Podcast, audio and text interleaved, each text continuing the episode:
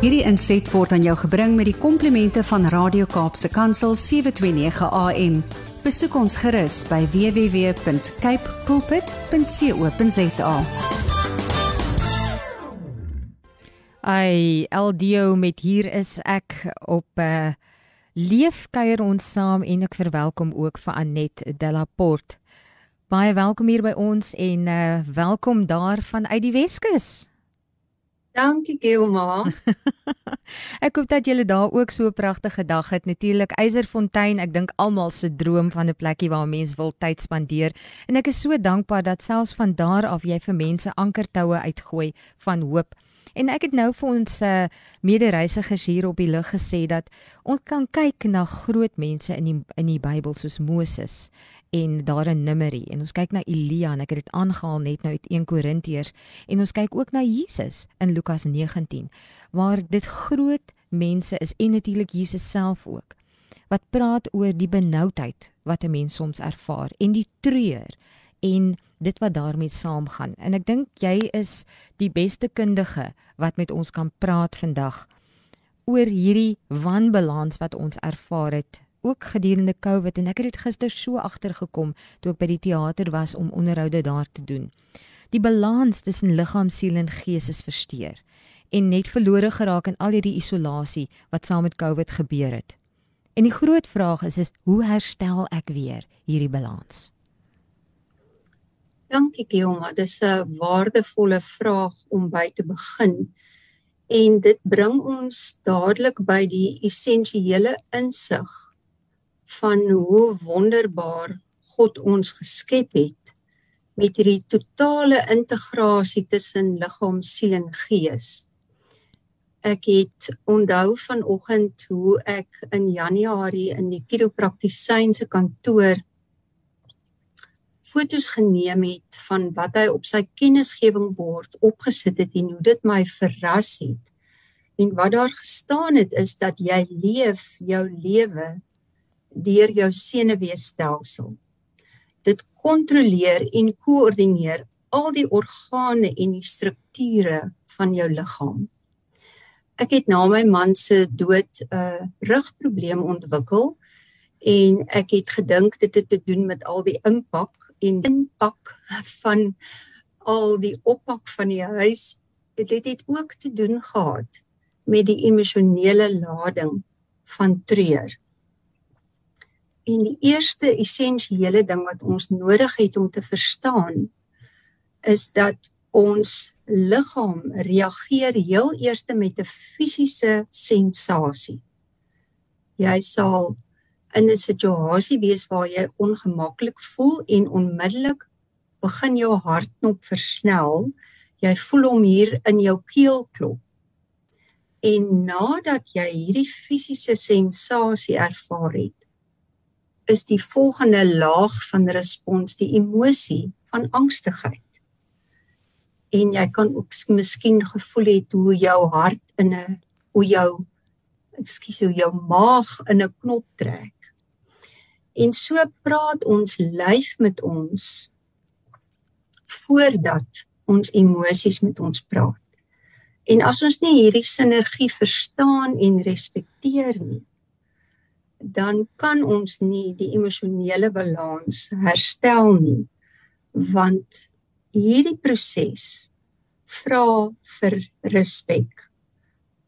En vir my is treur soos 'n ingroei toonaal jy kan dit net ignoreer tot op 'n punt.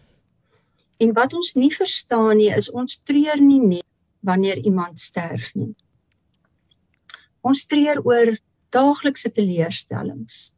Jy staan op in die oggend en jou planne vir die dag loop skeef en jy voel hartseer daaroor. Want iets van die struktuur wat jy vir jouself geskep het vir die dag het uh platgeval. Ons treur ook wanneer daar konflik is in ons verhoudings want God het ons gemaak vir verhouding. Verhouding met mekaar, verhouding met hom en verhouding met onsself. En ons treur oor die dood van 'n droom. Ons treur veral in COVID oor wanneer ons vervreemd voel van ons roeping en ons effektiwiteit. Ek het met soveel dokters gewerk wat gesê het my roeping is om lewe te gee en lewens te red. En hier het ek beleef dat elke pasiënt wat ek geïnkubeer het, het gesterf en ek het gevoel dat ek 'n moordenaar geword het. En so is emosies boodskappers wat ons vertel van ons waardes wat seer gekry het. En emosies is 'n geskenk van God. Sonder dit sou ons robotte gewees het. En nou word ons genooi om te verstaan hoe om met nuwe respek na onsself om te sien en bedag te wees wat is die maniere waarop jou lyf met jou kommunikeer want as ons almekaar ons emosies ignoreer en onderdruk dan gaan ons letterlik fisies siek raak want daardie emosies het geen plek om tot uitdrukking te kom en eintlik hulle normale proses te volg om ons te help om iets te verwerk nie. En ek dink dan die eerste ding wat ek wil sê is om te verstaan dat ek na al die trauma van COVID en die pandemie nodig het om myself met sagte hande en 'n nuwe vlak van respek te hanteer. Anet, ons het nou gepraat oor fisiese simptome, maar ons kan ook nie die emosionele aspek daarvan uitlaat nie want ons is met emosies geskape. Wat is die hmm. nuttige doel wat dit wel dan kan hê? Ja, ek moet myself altyd so dissiplineer in so 'n kort gesprek en net vrede maak vooraf dat ek nie vir mense in 20 minute alles kan leer wat ek graag vir hulle wil leer nie. So ek doen 'n 2 ure webinar oor treur waar ek die prosesse verduidelik.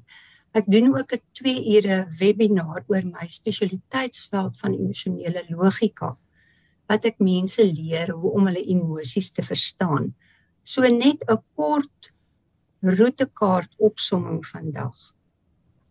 Die emosie van skok help my en nooi my om tot stilstand te kom en raak te sien dat ek 'n verlies beleef het. Die emosie van ontkenning is my skokabsorbeerder wat my help om in daardie moment my onmiddellike prioriteit te kies. Die emosie van woede waarmee baie van ons ongemaklik is om omdat ons dit assosieer met gebrek aan selfbeheersing of met iemand wat ons geboelie het of ons miskien uh, aan 'n meer uitbarsting blootgestel het. Woede praat met ons oor 'n onreg. Dink maar wanneer jy op pad is werk toe en 'n uh, taxi ry skielik voor jou in. Onmiddellik voel jy kwaad want jou emosie van woede vertel jou dat jy 'n hoë waarde het vir veilig wees en vir die volg van verkeersreëls. Skuldgevoelens praat met ons oor eienaarskap van 'n probleem en help ons om te leer uit ons foute. Probleemoplossing is waarmee ons so mank geloop het tydens die pandemie want ons gewone oplossings was eintlik op baie maniere van ons ontneem. Ons kon nie gym toe gaan nie. Ons kon nie tyd in die natuur spandeer nie. Ons bewegingsvryheid en vryheid van keuse was van ons ontneem.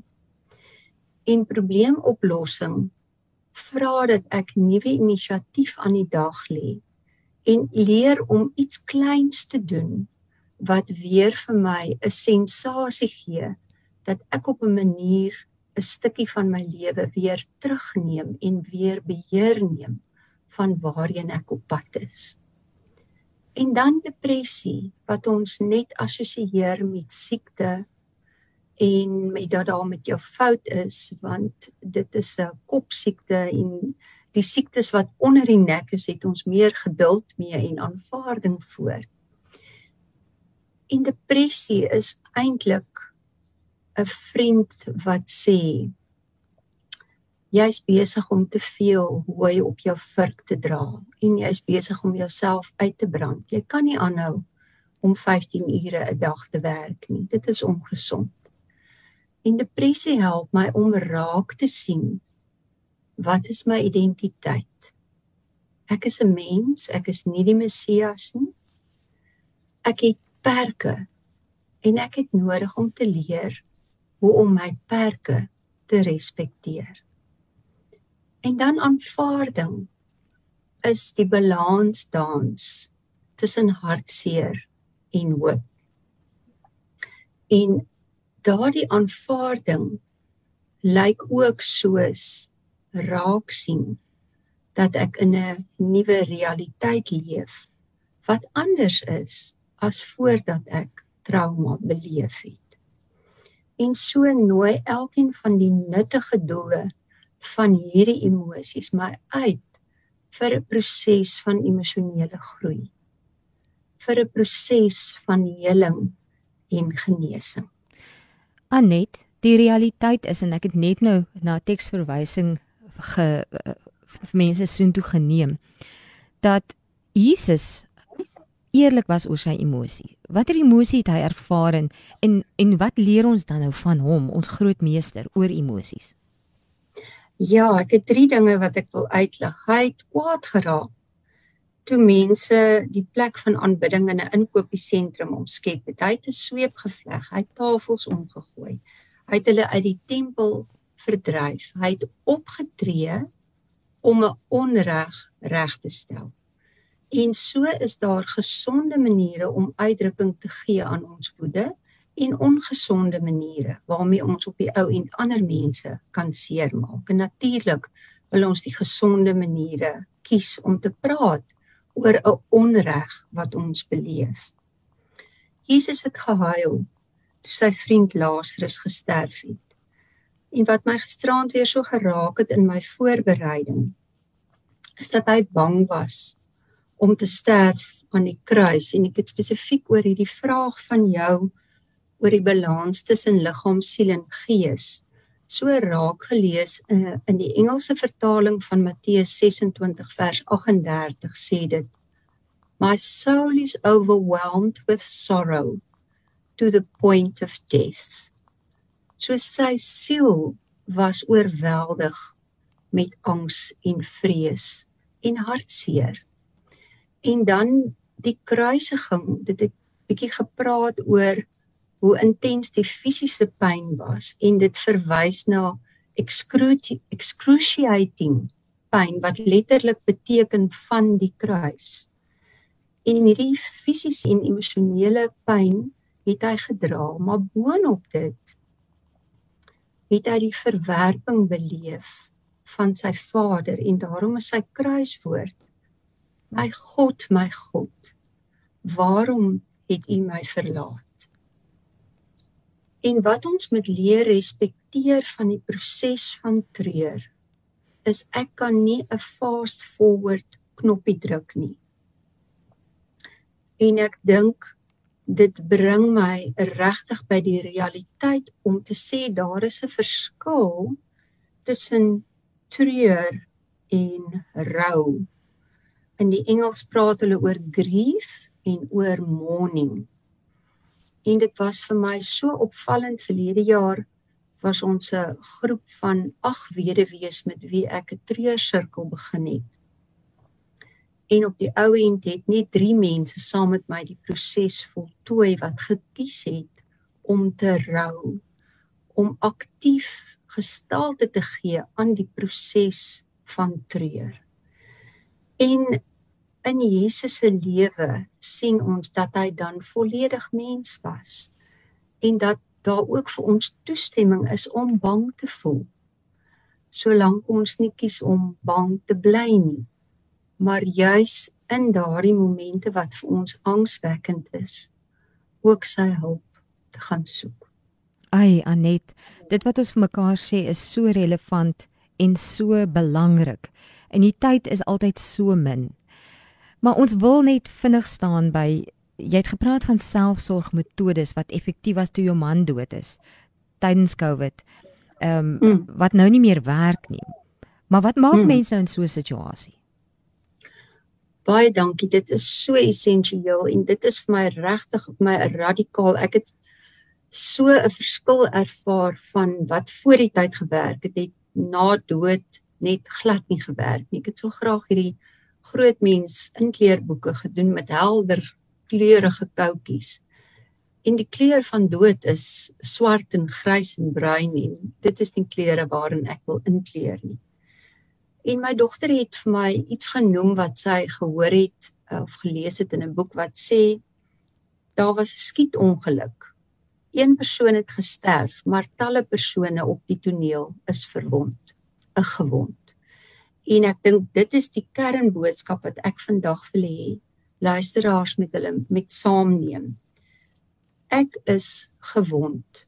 Selfsorg word nou wondsorg dit word raak sien en respekteer wat het ek nodig en wat is die selfie wat ek vandag moet aansmeer en soms gaan daardie wond weer aan die bloei en 'n onversorgde wond smeer 'n sweer en op die ou end het dit dan kan dit lei tot iets soos 'n amputasie. En die boodskap hiervan is dat treur is 'n aktiewe rouproses waarin ek met nuwe respek moet verstaan dat ek beperkte emosionele kapasiteit het en ek met myself met die sorgsame liefde hanteer wat ek dikwels aan ander mense betoon. Want sien as daar 'n buitestorm is en die buitestorm land op 'n binnestorm omdat ek nie vir myself sorg of myself afskeep dan word dit 'n tornado wat buite beheer tol. Anet, dis groot goed wat ons mekaar sê. Maar die uiteinde wat ek hoor wanneer ek na jou luister is dat ons het moed nodig om eerlik te wees teenoor onsself en dat ons eintlik die dapper mense is wanneer ons gehoor gee daaraan en luister absoluut en jy moet verstaan hoe vertel jou lyf vir jou wat is jou tree respons. So my fisiese tree respons is letterlik 'n dolksteek pyn in my hart. En dan weet ek, nou het ek nodig om te stop en te dink, wat mis ek in hierdie oomblik van Andre? En my slotwoord is om te sê ek het nie beheer oor wat die lewe op my bord plaas nie. Ek het beheer oor hoe ek daarop reageer en hoe ek treur kan my vernietig of dit kan my vernuwe. En vir my is die pragtige verhaal van in in die fliek Alice in Wonderland waar Alice op Absalom die wurm afkom wat besig is om hom in hierdie kokon toe te spin. En dan sê sy vir hom Absalom, jy's besig om te sterf en dan sê hy vir haar: "No Alice, I'm being transformed." En wat ook al met ons gebeur het, God se belofte is dat alles vir ons ten goeie sal laat meewerk mits ons in vennootskap met hom saamwerk want oral in die Bybel is daar 'n taak. God het manna voorsien. Die volk moes dit gaan optel. Die weduwee moes kruike gaan leen waarin sy die bietjie olie agter 'n toedeur geskink het daar is 'n taak wat van ons gevra word om aktief te tree en moeite te doen sodat ons in 'n proses van heling kan instap in vennootskap met God. En vir my is die slotsin dat ek in God se vrede vervang word en opgevang word in sy genade. Uh dat ek in daardie vrede al is my hart in 'n duisend stukke even when my heart is in pieces, I am enveloped by the peace of God that surpasses all human understanding. Anet baie baie dankie. Dankie vir jou deel. Uh dit was 'n groot voorreg om hieroor te praat en ek hoop jy wat saam met my luister voel ook dat dat jou lewe nie sinneloos is nie. En Anet, ons wil net 'n um, kontakbesonderhede gee. Daar's altyd navrae na so 'n gesprek.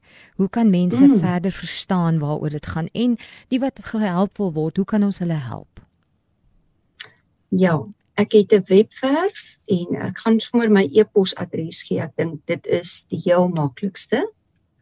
So my e-posadres is anet a n n e t t e en die adres self dan die @grow soos in groei grow with anet.co.za ek herhaal weer anet met 'n dubbel n dubbel t anet@growwithanet.co.za Bye bye dankie vir hierdie uh, kragtige woorde en die deel so eerlik vanuit jou eie ervaring. Mag jy ook 'n wonderlike, rustige res van die dag hê. 'n Heerlike dag totsiens. Dankie Wilma, totsiens. Hierdie inset was aan jou gebring met die komplimente van Radio Kaapse Kansel 729 AM. Besoek ons gerus by www.cape pulpit.co.za.